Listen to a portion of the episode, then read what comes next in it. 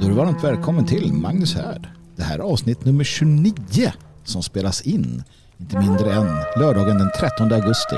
Året är 2022.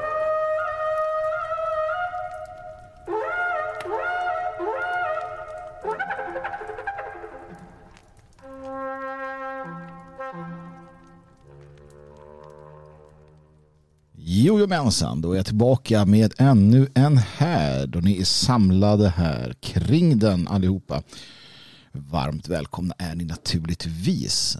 Jag hade en liten eh, jag hade ett litet bekymmer här när jag skulle spela in denna tidigare. Jag spelade nämligen in hela härden i princip för att sedan förstå att jag hade fått något avbrott i tekniken. Så att allt försvann. Sånt är eh, såväl eh, livet som eh, poddvärlden och teknikens värld. Det är flyktigt. Det händer saker och sen så slutar det hända. Ena sekunden är det där och andra sekunden är det borta. Det är värt att ha i åtanke. Hörni. Det är värt att ha i åtanke också när det gäller en själv. Har du tänkt det någonstans någon gång? Har du funderat på dig själv utifrån eh, något eh, utifrån perspektiv? Det är en bra fråga. Jag stötte på en, eh, ett citat när jag satt och bläddrade i en, en skrift jag har. Eh, 88 föreskrifter av David Lane. Och det står angående bön skriver han. Den sannaste formen av bön är gemenskapen med naturen. Den är inte uttalad. Finn en plats där du kan vara ensam, om möjligt en bergstopp, under en stjärnklar natt.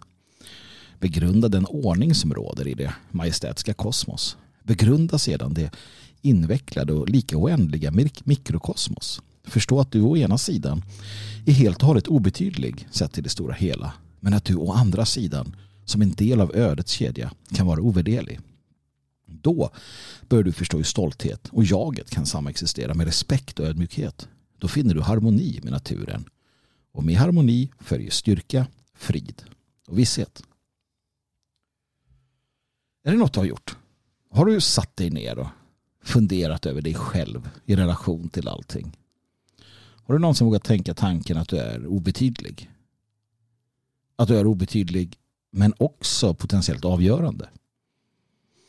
Har du haft modet att gå in i dig själv och stänga av alla de där yttre påverkansfaktorerna?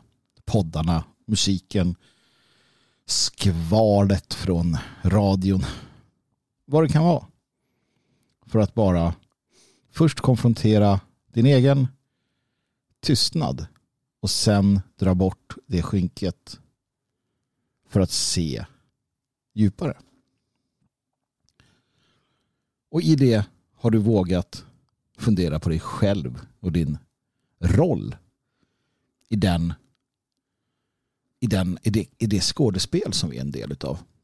Det kan vara vettigt att se på sitt liv som ett skådespel. Den här tiden vi har här på jorden. Man har en roll att spela, eller flera roller. Men det är inte säkert att man förstår vilken det är. Sådär bara, från ingenstans jag vågar säga att det är få förunnat att förstå vilken som är deras roll sådär tidigt i livet och sen bara kan följa det tills de sista, sista åren. De flesta får streta runt och fundera och ja, undra. Leta. Människor eh, mår dåligt när de inte vet vilka de är eller vad de ska göra. Det säger sig självt lite grann. Att man blir lite som ett skepp utan styrfart. Man bara glider med av strömmarna. Var inte sån. Det, det är ingen bra idé. Utan lär dig att ta kontroll. Då måste man ju också våga, som i den här föreskriften, titta på sig själv utifrån olika perspektiv. Och, och att inse sin egen obetydlighet men också den potentiella kraften i ens liv och ens handling. Och det kan ju vara lite utifrån olika eh, grundförutsättningar naturligtvis. Vem man är. Men jag brukar ta upp Napoleon som ett exempel. Och det här tycker jag är ganska bra. När han lämnade Korsika, eller eh, hans födelseö, så var det ingen som tänkte att den här killen skulle bli kejsare i Frankrike.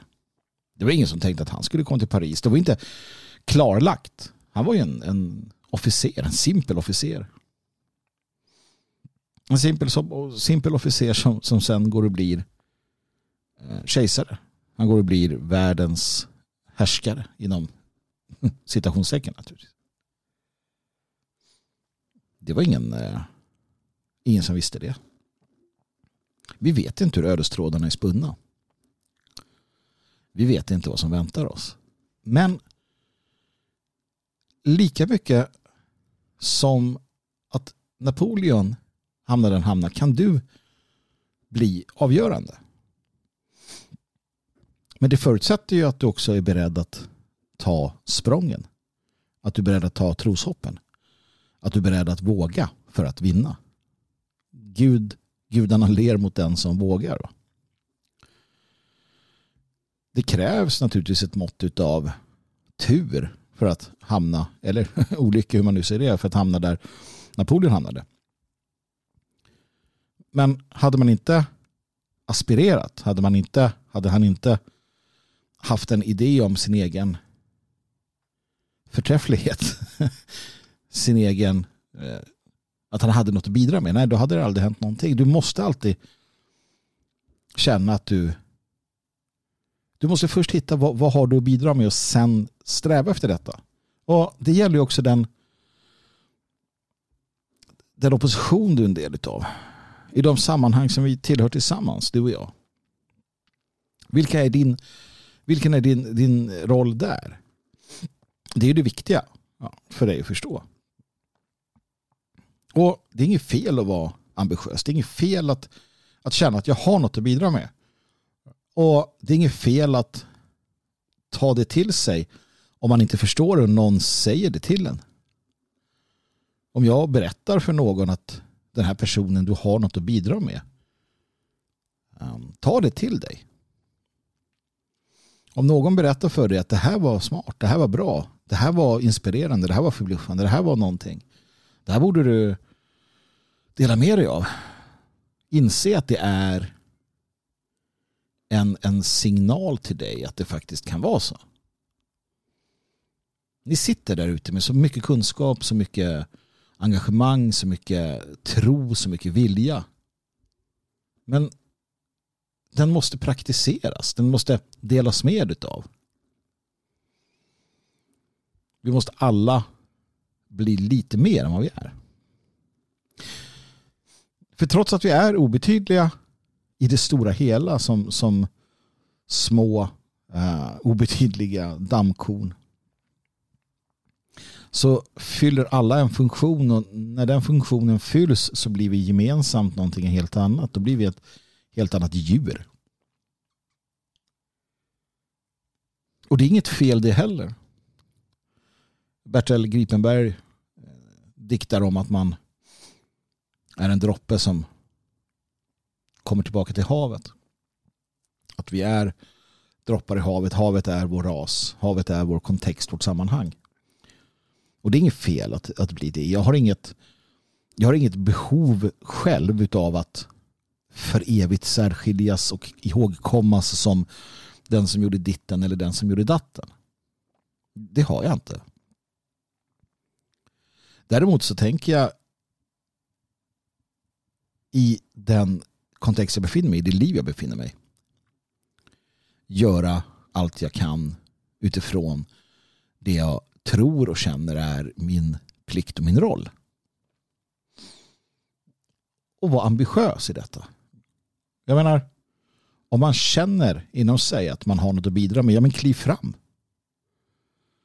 Du kommer aldrig få veta om det är så eller inte förrän du kliver fram.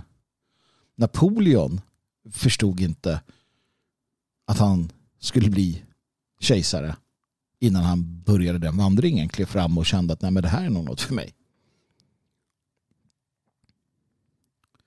Så ambitionen, det ambitiösa inom dig för vår sak, det måste släppas lös. Och du måste kunna stå och titta dig själv i spegeln och säga det att jag har något att dela med mig av. Jag har något att erbjuda. Din dådkraftighet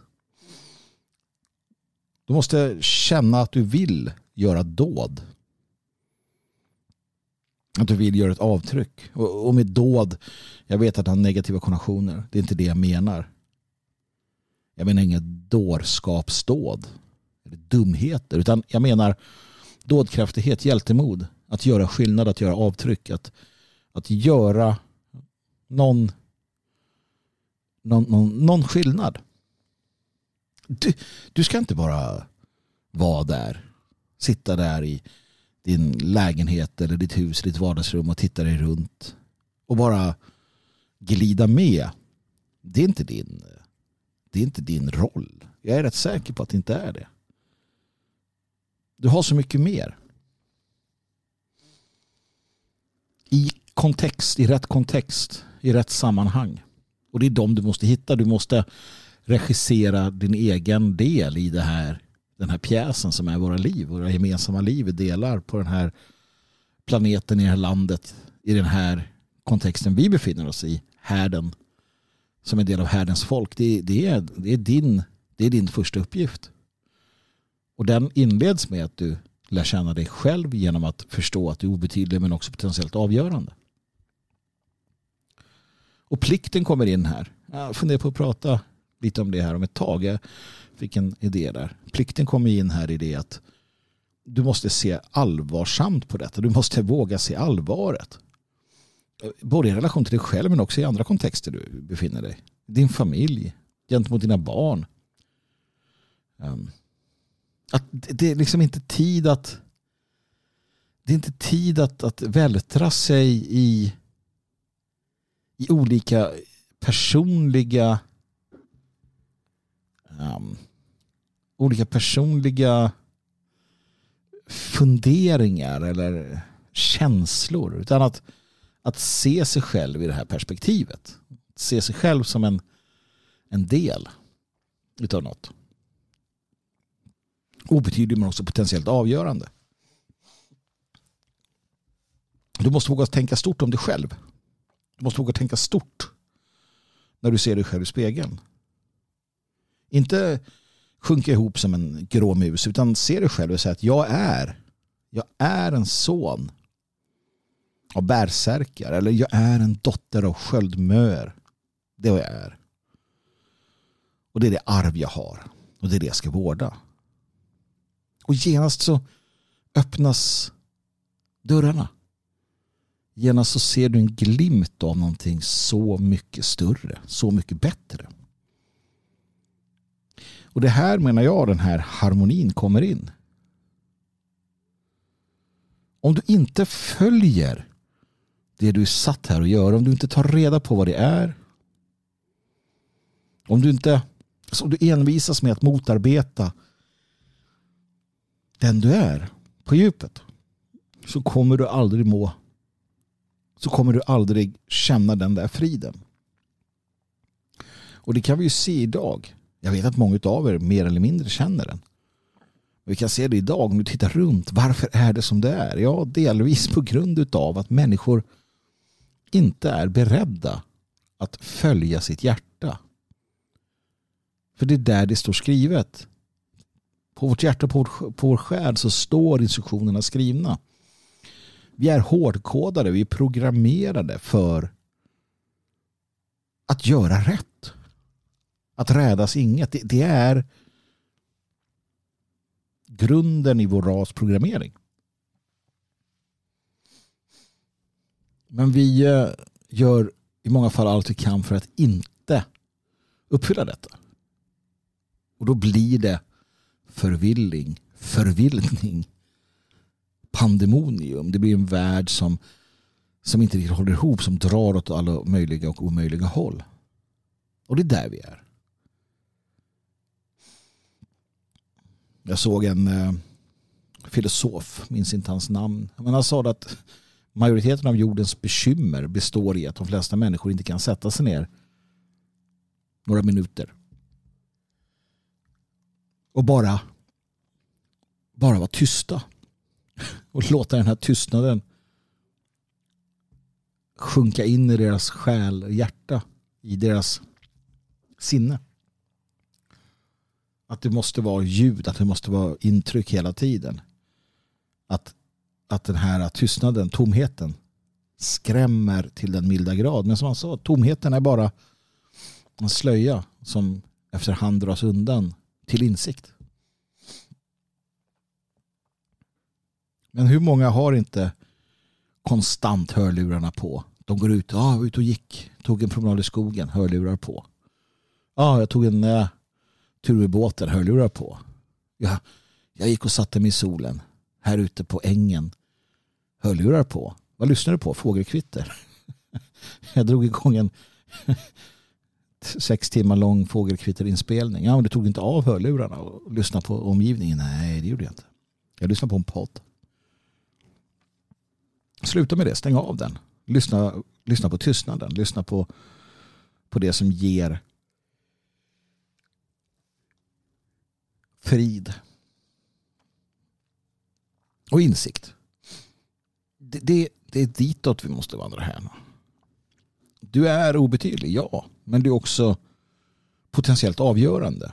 Och det är det som inte får gå förlorat. Din obetydlighet är obetydlig men det är din potentiellt avgörande del i denna i detta skådespel som icke får gå förlorat. Och jag kan inte ta mig in hos er alla och vägleda er på det sättet och säga att du ska göra ditten och du ska göra datten. Det är inte, det är inte min roll och det är ingen annans roll heller. Du måste hitta det själv. Det är en del av livet. Och du måste ta ansvaret för detta. För ingen annan kommer göra åt dig. Ingen annan kommer kommer göra det. Utan det som kommer hända om du inte tar ansvar själv det är att du kommer ledas in i en folla. Där du kommer att då eh, befinna dig. Och det tror jag inte att du vill. Så att ta ansvaret. Gör det. Titta på dig själv. Reflektera över vem du är, varifrån du kommer. Försök se sambanden och, och, och känn efter. Ha magkänslan. Funderingen. Vem är du, vad gör du, vad du ska göra? Och förstå hur det går hand i hand med att kunna vara en, en betydande och viktig person men också då ödmjukheten och obetydligheten på samma gång. Lär känna dig själv så lär du känna allt. Lär du känna Gud. Och förstår du vem du är, vart du är på väg, vad är som, vilken roll du spelar, ja, då kommer vi alla tjäna på det. Och då kommer vi ett steg närmare någon form av lösning på det här eländet som vi tvingas leva i.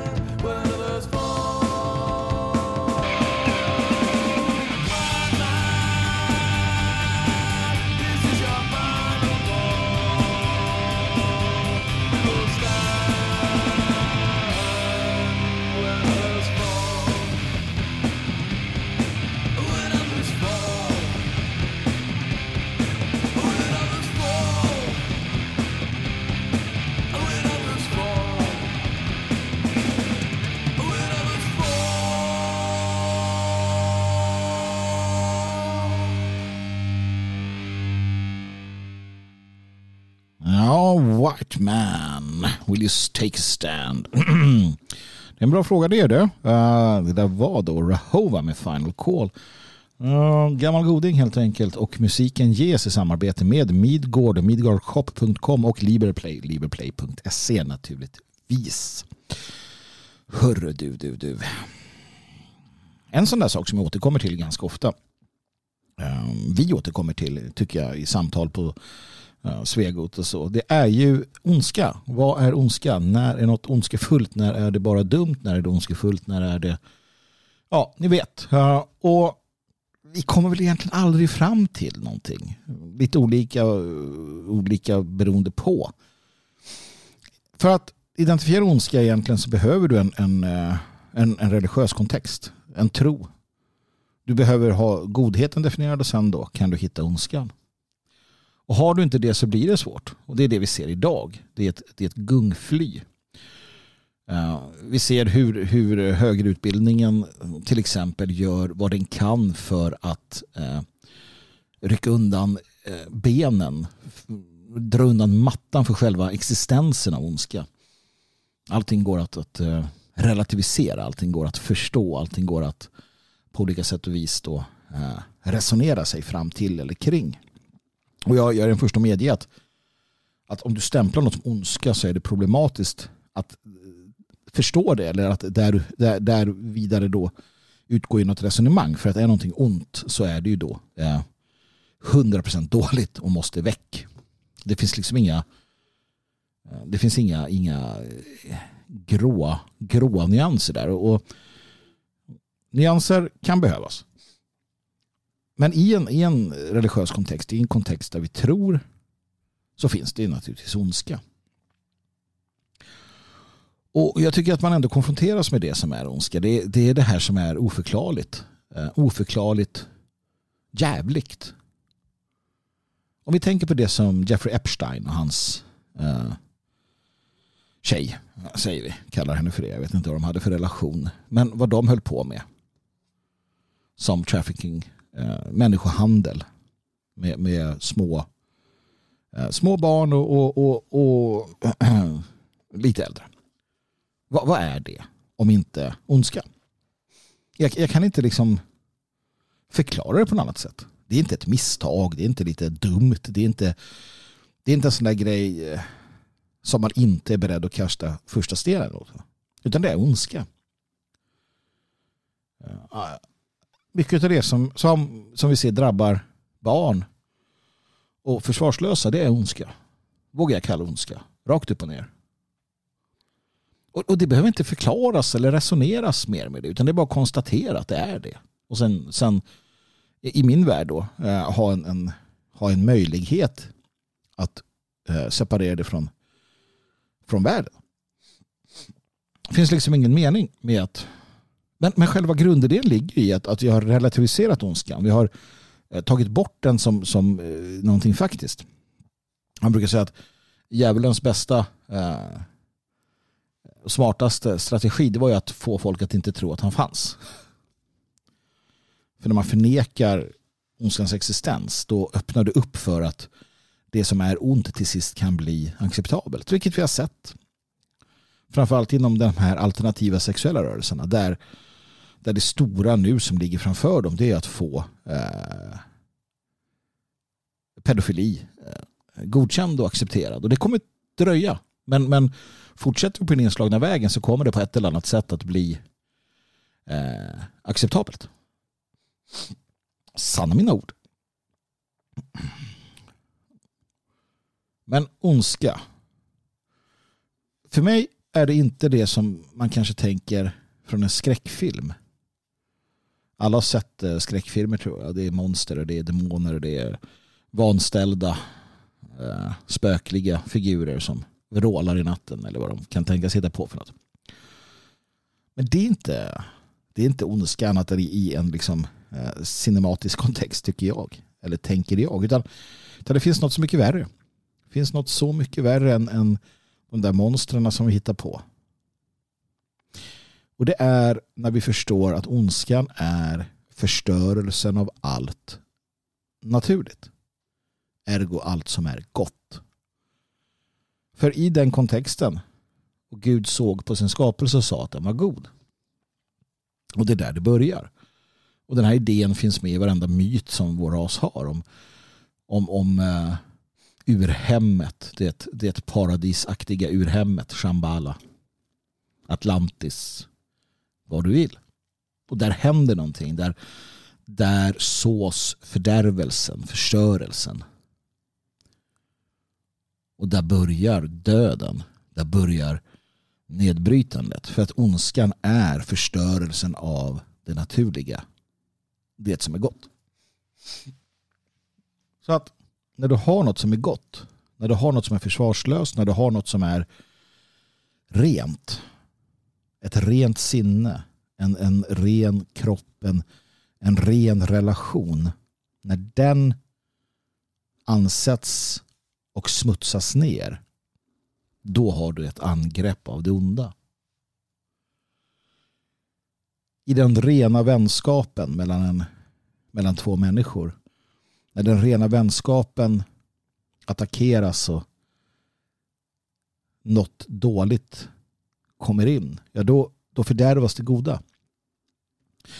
När i en relation det sås ett frö av någonting negativt så är det det onda som kommer in i relationen.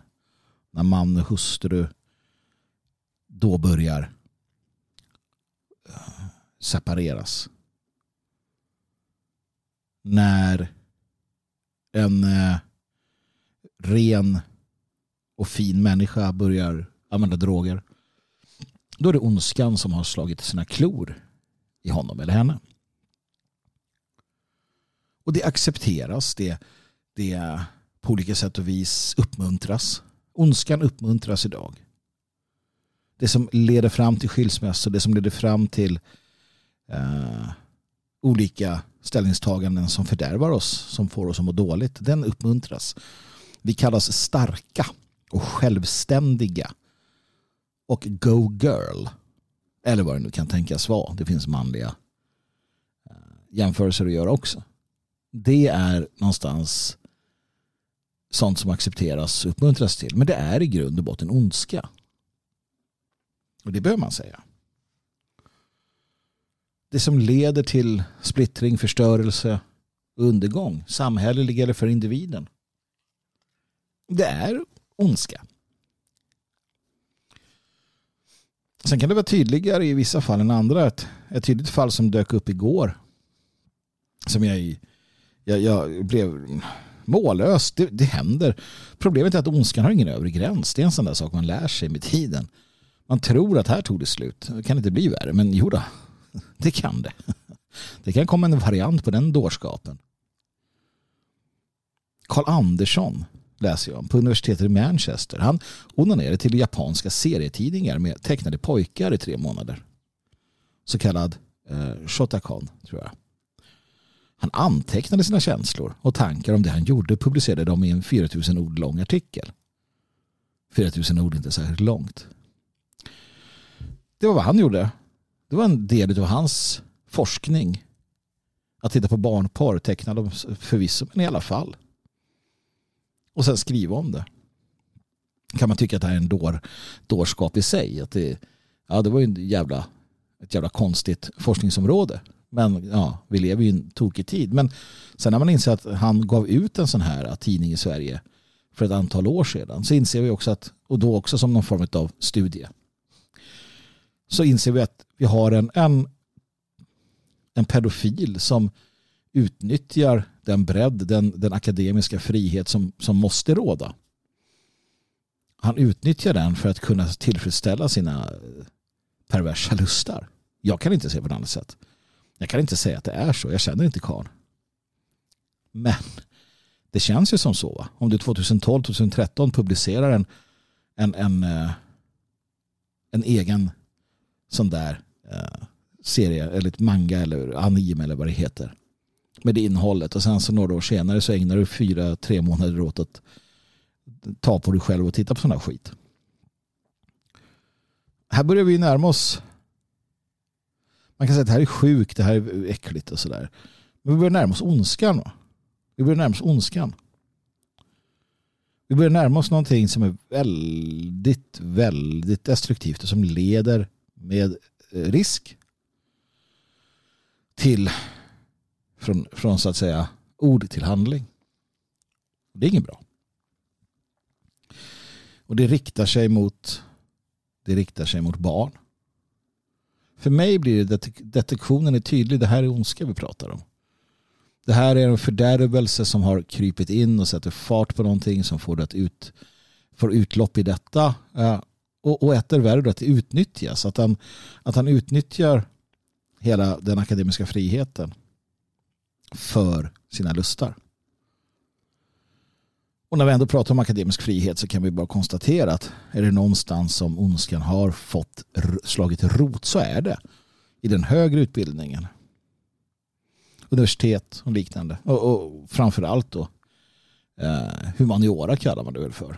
De tekniska ämnena är naturligtvis lite svårare. Det är svårt att, att få matematiken att eh, få eh, liknande utbildningar att, att bli ja, eh, fördärvade. Men det går.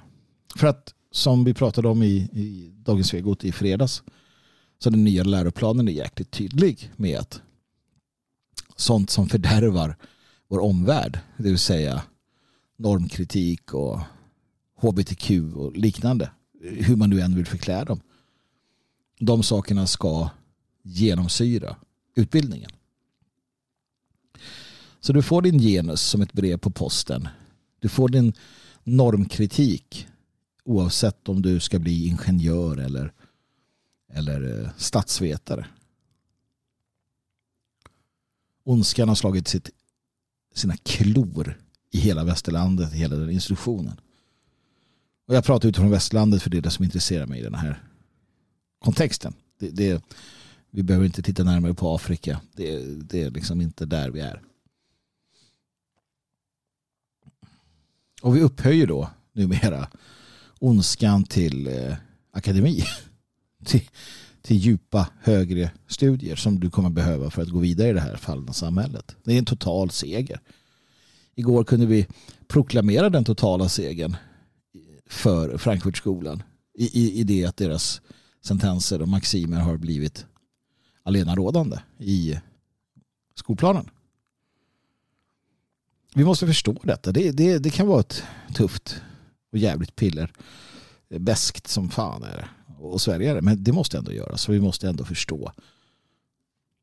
Och det är det här du är i. Det här är den sättning som ditt, din, din roll kommer att utspela sig i. Och till den jag pratade tidigare om hur du måste förstå dig själv här som en Eh, som både oviktig men också kanske avgörande. Och här förstår du kontexten. Det här är vad du hamnar i. Det är den här världen du lever i. Och allt dravel om att man inte vill vara här och det är så jobbigt. Och, ja visst, man får känna sig nedslagen, absolut, med jämna mellanrum. Men likväl så måste man resa sig över detta. Du som tillhör härdens folk måste definitivt göra det. Det är ett hån mot oss andra om du inte gör det. Och det kan kännas för jävligt. Men det finns något där ute. Om du vågar. Om du vågar be så blir du bönhörd. Allfadern är inte en främling för oss. Det måste man också förstå för att det finns ont men det finns också gott. Och det är det onda vi behöver ha koll på. Misstag, dumheter, sånt där som vi gör, ja det är en annan sak. Ondskan däremot, den måste vi vara beredda att möta, stå upp mot, hålla kort. Till det finns det inga alternativ. Det finns inga, det finns inga andra saker att göra utan, det, det är verkligen, eh, verkligen som det är i, eh, i det. Det, det. det måste man förstå att ondskan finns och att den hela tiden arbetar för att fördärva. Och att det enda som står mellan dess framgång eller misslyckande det är sådana som du och jag.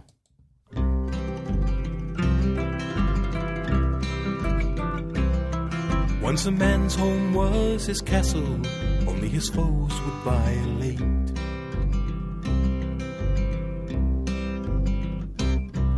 And the border of his property was the moat round his estate. All these kingly rights of sovereignty, once bestowed on us by God, have been lost somewhere in history, in the fine print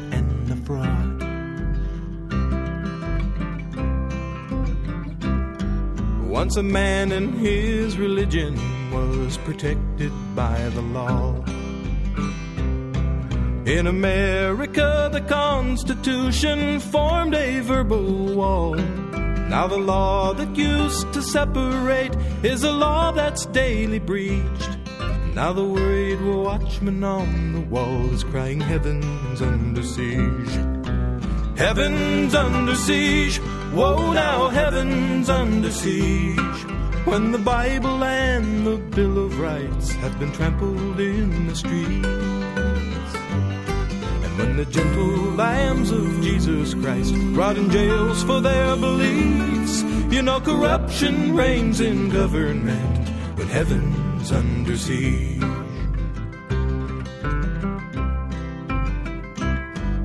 Heard the watchman sound a warning call back in 1992. When they murdered Vicky Weaver, just like they'll murder me or you. When they stormed the church in Waco, women and children burned alive. And now the ones who rot in prisons are the ones they let survive. Heaven's under siege. Whoa, now heaven's under siege. When the Bible and the Bill of Rights have been trampled in the streets. And when the gentle lambs of Jesus Christ rot in jails for their beliefs, you know corruption reigns in government when heaven's under siege.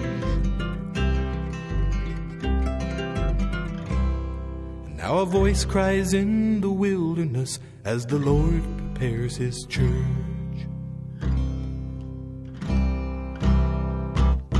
Will his called and chosen servants be found faithful on this earth? Will we pass the test of heaven's quest, never counting earthly loss? Will we fight like Christian soldiers with our eyes upon the cross? Heaven's under siege. Whoa, now heaven's under siege. When the Bible and the Bill of Rights have been trampled in the streets. And when the gentle lambs of Jesus Christ brought in jails for their beliefs, you know corruption reigns in government when heaven's under siege. I said corruption reigns in government when heaven's under siege. Carl Klang, Heavens Under Siege. Ja, i skenet av allt det här som jag pratat om nu så är det ju så att man måste inse att man måste ta vad? Jo, eget ansvar. Medvetet eget ansvar. Och det finns ändlösa orsaker till varför man inte ska ta eget ansvar. Det har jag förstått. Det har jag hört. Det har jag sett under alla år. Jag brukar ställa mig själv frågan där. Vad fattas mig då? Vad är det för fel på mig? Vad är det jag eh, gör som är så, så himla annorlunda? Hur kommer det sig att eh, det finns så många där ute som tar det ansvaret utan att drabbas av alla dessa eller drabbas av det? Alltså, det finns ju inga alternativ här. Och för, för, för vad är alternativen då? Att så här, ja, nej men jag, jag håller med, jag känner det här och så, men jag, ah, ja, jag tycker det bara. Jag vet inte, jag, jag har så svårt att förstå det här. Man måste ta medvetet ansvar. Man måste, alltså hela vår civilisation hela vårt samhälle, det faktum att vi är här idag och har det så pass bra um, materiellt sett, det bygger på att våra förfäder tog medvetet ansvar för att göra det bättre för oss. Det var medvetet, vi ska I, I det lilla så är det stora. Vi ska lämna efter oss något bättre. Man valde, det började redan liksom när man var ung man. När man tillsammans med släkten eller så valde partner då för, för framtiden. För att, eh, bara det faktum att man gjorde det. Jag ska ha någon att leva med och få barn med och bilda familj med och skapa den här, en ny, en ny liksom cell i det här systemet. Det började där. Och det gjorde man medvetet. Medvetet. Man, man tittade på vad man tog till bordet. Man lät inte slumpen avgöra. Man lät inte eh, för mycket känslosås komma i vägen. Utan man tittade mycket mer praktiskt på saker och ting. Det här är bra för folket, det här är bra för byn, det här är bra för oss. Ja, i, i vår värld så tog man hänsyn till vad människor kände också naturligtvis. Men det var inte som idag där det sitter på utsidan. Allt dikteras över hur man mår. Och det är så svårt, verkar det som, att sätta sig över det. För man har ingen disciplin, man har ingen, man har ingen, en, ingen eh, hårdhet, fasthet kvar. Fast det är inte sant för att många människor är väldigt duktiga på att sätta sig över sina känslor när det gäller att gå till jobbet eller i sociala sammanhang med människor de inte orkar egentligen vara med och så vidare. Det, det är när det kommer till att ta ansvar för de viktiga sakerna. Då jävlar. Då slå känslorna på hundra, hundrafalt. Men utifrån det, det perspektiv jag tittar på så, så, är dina känslor inte så viktiga. Mina känslor är inte så viktiga. Jag, jag får hantera dem. Jag kan lägga mig i fosterställningen timme och, och grina ögonen ur mig då, om det är så att det är jobbigt. Sen måste jag vidare. Jag får ta den här klumpen i mellangärdet som gör att man tror att man ska ramla av pinn och hantera det.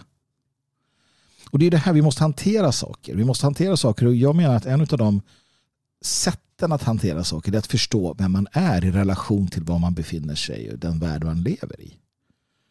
Jag var inne på det där tidigare. Jag fick så fint skrivet om tro här tidigare. Utav en person. Hon skrev att tro jag har inte framför mig men att, att tron finns där hos alla. Och ju mer du kämpar emot tron, förståelsen, desto värre blir det för en. Och det finns en sanning i det också. Du kan omsätta den också i det nationalistiska. Att, att du vet ju. Du, du vet ju precis. Men du väljer bort det. Eller du, du kan inte ta språnget. Och det blir problematiskt. Vi befinner oss där vi befinner oss för att på tok för många inte tar språnget, inte gör det de ska. Och det är det här medvetna ansvaret. Det är det medvetna ansvaret vid varje givet tillfälle. Där man, där man gör en, en analys. En, det gör du, ju, du gör ju det i ditt liv hela tiden. Du gör ju konsekvensanalyser av varenda sak du gör. Om, om du befinner dig i ett socialt sammanhang så gör du miljontals säkert eller hundratusentals konsekvensanalyser. Vad händer om jag gör så här? Om jag rör mig så här? Om jag skrattar nu? Om jag säger det här? Det sker automatiskt. Så alla kan göra det. Och det borde göras för den större saken också. Återigen, om man tittar tillbaka så, så, så har människor varit tvungna att ställa sig över sig själva för den goda saken, den större sakens skull. Det är därifrån en sån idé som Vitalis Nordström som plikten då eh, härrör. Och det finns en, en frälsande eh, tanke i det här också, en idé, en förståelse för att om du gör det du ska så gör du inte fel. Ergo, ditt människovärde avgörs av plikten. Jag var inne på det här när jag pratade med Jalle Horn om eh, att överkomma problem. Finns på eh, svegel.se eh, gamla nya stigar podden där.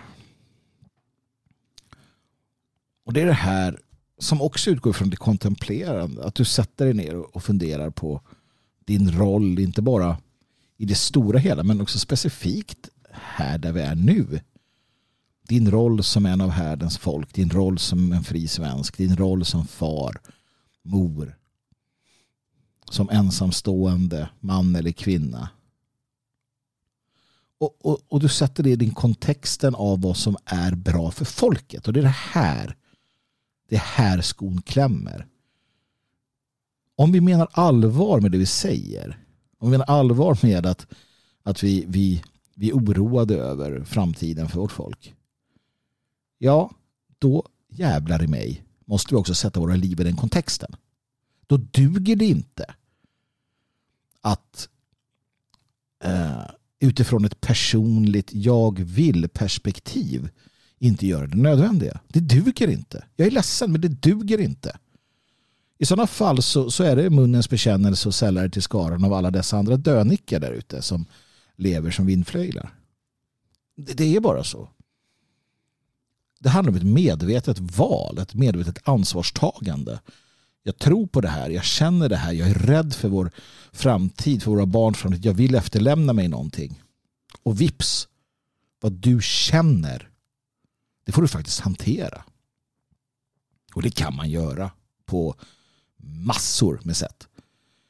Ingen nu levande person har gått igenom värre saker än våra förfäder gick igenom under årtusenden. Kom inte med det. I allt väsentligt i våra bekymmer, hur jobbiga de än kan tänkas vara, ingenting i jämförelse med vad våra förfäder gick igenom. Och till ganska nyligen gick igenom. Jag har nämnt det förut. Jag har nämnt det förut. Min mentor Manfred Röder. Frivillig i slaget om Berlin. När jag talade med honom och jag visste inte hur jag skulle närma mig detta. Men jag frågade till sist om de övergrepp som den sovjetiska och tillika de allierade i slutstriderna. Och han bara konstaterar att ja, så var det. Han tittar på mig med ett likgiltigt lugn eh, och som överförs till rösten då han bara förklarar att ja, alltså min mor blev våldtagen. Min farmor blev våldtagen. Någon blev skjuten summariskt. Min syster som var, jag vet inte om hon var 12-13 år, blev våldtagen så tystnade han och sa att ja, alla, alla kvinnor i Berlin blev våldtagna. Vare sig det var från ena eller andra sidan. Och, och, jag visste inte vad jag skulle säga. Och jag frågade hur, hur hanterade ni det? Hur hanterade du det? Han, han sa bara att vi, vi gjorde det. Det, det. det var som det var. Och det fanns inte tid det fanns inte energi att hantera det annat än att vi måste gå vidare. Och det här är ju jättekränkande för så många människor idag. Va? Kan vi inte...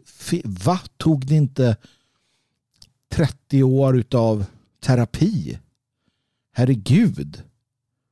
Nej, utan man behövde bygga upp sitt samhälle igen. Och då fanns inte den tiden. Och jag vänder mig mot ett överdrivet eh, ett överdrivet ältande. För det leder sällan någonstans. Det var det vi hade. Det, när man tittar på det. Eh, kyrkan hade ju bikten.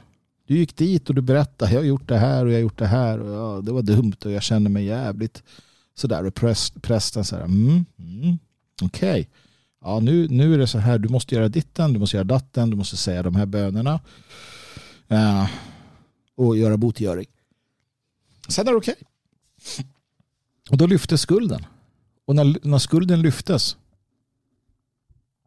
då blev det bättre. För all den här skit som folk släpar runt med det är oftast kommit ur en, en skuld som man har tagit på sig. Även, även, även trauman som är jävligt illa på grund av att du har råkat illa ut eh, bottnar oftast i det. Att du har tagit på dig någon skuld i detta, vare sig du tror det eller inte. Och det är ett problem naturligtvis. Och att då kunna, som man gjorde förr, vänstern auktoriteter berätta, jag har varit med om det här, det här har hänt, jag tänker så här, jag känner så här. Okej, ja, du är förlåten för dina synder och, och, det är inte ditt fel. Det är inte det. Om du då har tron i grunden, ja då är det löst sen i princip. Människor är jävligt robusta. Det här är också något av den ondska som har sipprat in. Det är idén om att människor är jättespröda. Det mänskliga psyket är jätteskört. Absolut så finns det en, en skörhet i det men det finns absolut en robusthet. Alltså framförallt hos alltså i, i de större befolkningslagren. Man klarar av väldigt mycket. Man klarar av väldigt mycket.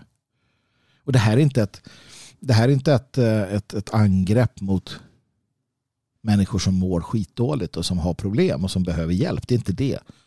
Man måste återigen skilja på det ena och det andra. Man måste skilja på dem som, om jag tar en annan kontext, vi måste skilja på dem som lider av eh, övervikt på grund av hormonstörningar och de som bara har käkat sig till det. Va?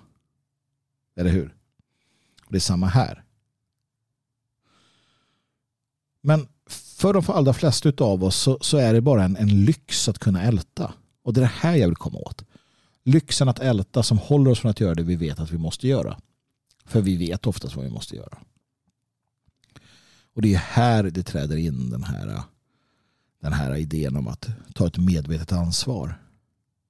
Och lyfta sig från sig själv. Ta sig i kragen som våra föräldrar sa åt oss när vi var små. Kom igen nu, ta dig i kragen.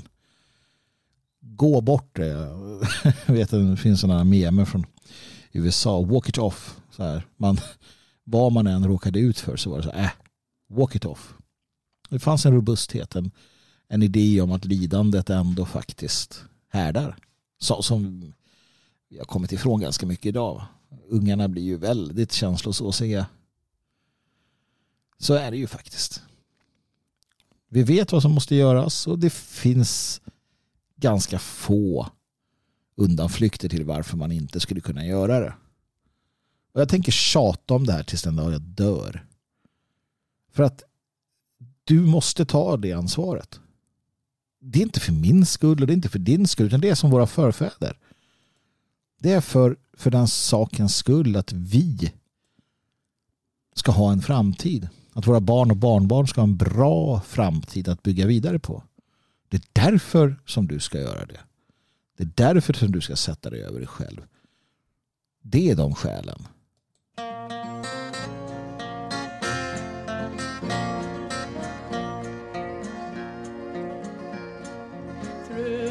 God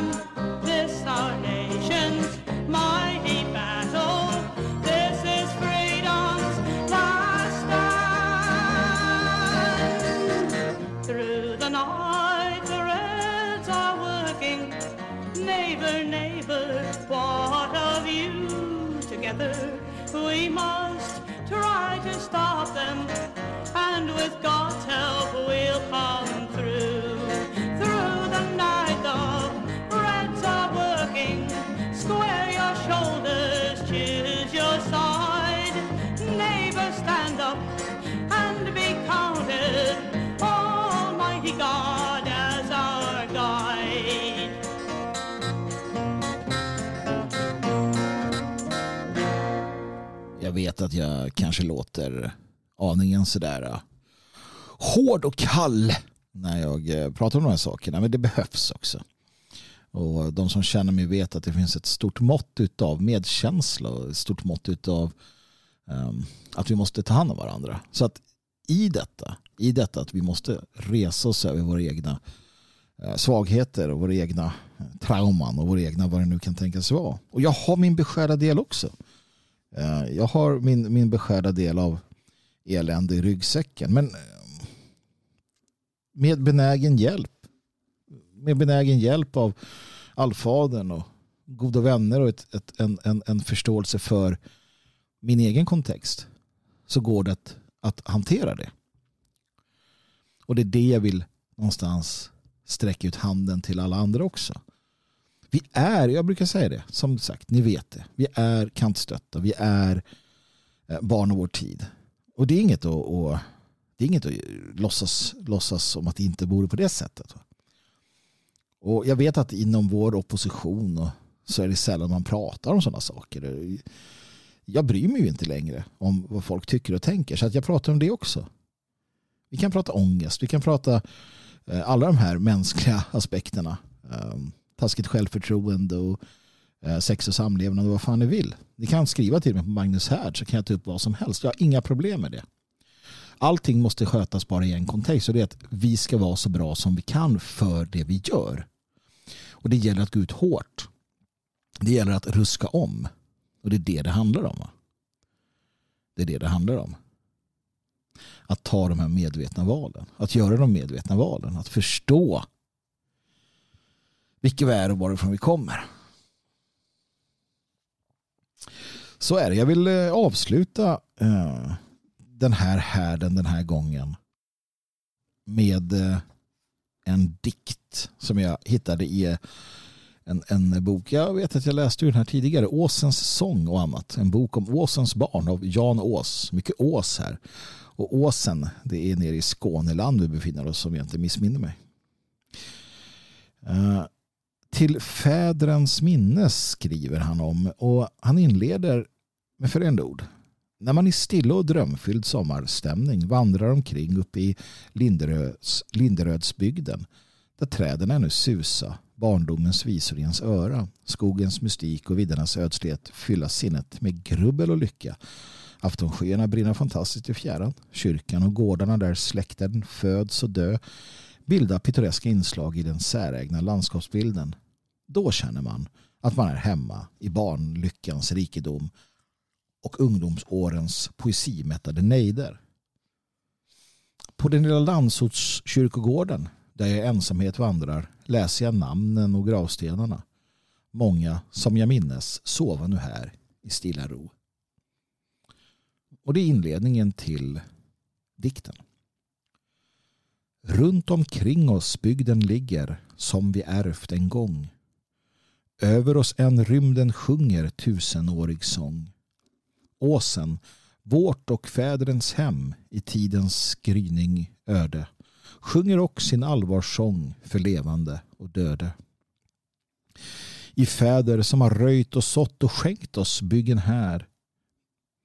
Ert liv var strävsamt id och möda tung men kär.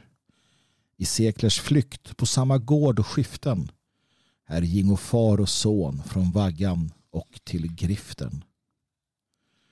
Ert trygga handslag redligt var och eder vilja god. I voren män med karlatag, med styrka och med mod. Ert liv var stort, i odal män, i enkla vadmalskläder. I jorden ständigt hjältedåd, häll eder, minnets fäder. I mödrar som vid fädrens sida genom tider troget stått. Ert liv var huslig gärning, men av samma stora mått. I räddenhemmets härd och varma brasan tände. I voren barns och männers stöd i lycka som elände. I fäder, mödrar alla ert liv var plikt och bud. I barnen lydigt fostrande att ödmjukt frukta Gud. I soven sedan länge inunder enkla vårdar. Men anden lever än i åsens röda gårdar. naturligtvis en romantiserad bild av livet från fordomen. Myten är sannare än sanningen ibland. Och det var en annan tid. Det var en bättre tid i det att vi människor behövde varandra mer. På ett sätt som vi inte behöver idag. Idag är alla en ö. Då gick det inte. Då höll vi ihop. Då strävade vi fram tillsammans. Och vi hade inte all tid i världen att grubbla, att hålla kvar utan vi var tvungna att gå framåt. För att det var den drift som fanns. Dels för överlevnad men också för att det var så man gjorde. Man strävade på för att vinna en bättre framtid till sina barn och barnbarn. Det var det man ville. Man ville lämna över någonting bättre. Och vi behöver komma tillbaka till det. Vi alltså. Härdens folk, fria svenskar. Att längta efter framtiden. Längta efter att överlämna någonting bättre. Till den milda grad att vi kan släppa det som har varit. Och helt omfamna det som är och det som komma skall. Då skapar vi en, en rörelse framåt som är ostoppbar.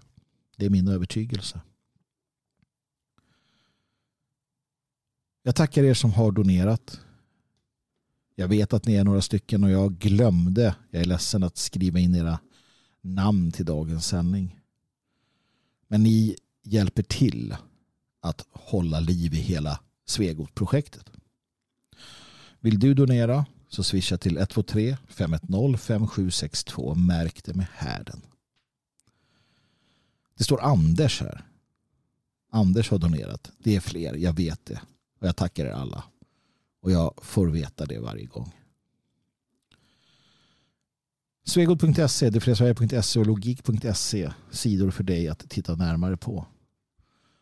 Nu så tackar jag dig för att du har lyssnat och vi återhörs nästa lördag. Och glöm inte livets mening. Glöm inte livets mening. Slåss med troll, befria prinsessor, döda varulvar. Det är att leva det. Och sist men inte minst, ge aldrig upp.